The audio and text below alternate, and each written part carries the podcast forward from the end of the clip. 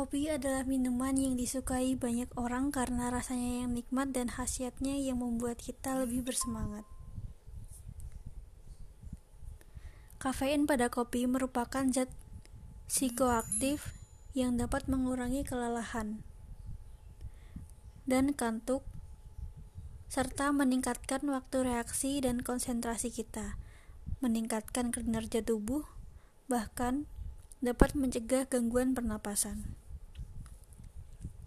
Namun, secara umum, banyak yang mengatakan bahwa jika sedang sakit kepala, kita sebaiknya menghindari kopi, karena kopi dipercaya tidak hanya akan membuat kita dehidrasi, tetapi juga akan membuat sakit kita makin parah. Tapi bertentangan dengan keyakinan tersebut, secangkir kopi ternyata bisa mengurangi sakit kepala atau meredakan nyeri. Riset tahun 2011 dan tahun 2016 atau artikel tahun 2019 menunjukkan bahwa kafein tidak hanya meredakan nyeri, tetapi juga dapat meningkatkan efektivitas obat penghilang rasa sakit seperti aspirin, ibuprofen, dan paracetamol sebanyak 40%.